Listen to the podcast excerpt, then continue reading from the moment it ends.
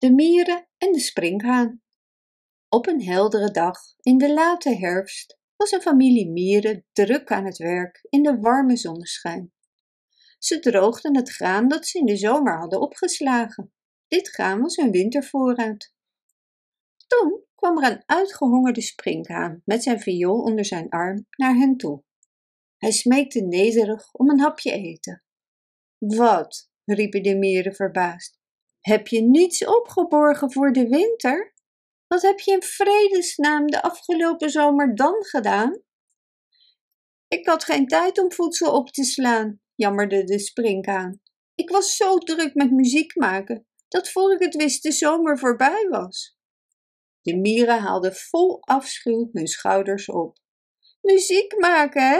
jammerden ze. Heel goed hoor, ga dan nu maar lekker dansen. En ze keerden de sprinkhaan de rug toe en gingen weer door met hun werk. Bedankt voor het luisteren. Wist je dat je dit verhaal ook op onze website ridiro.com/nl kunt lezen, downloaden en printen?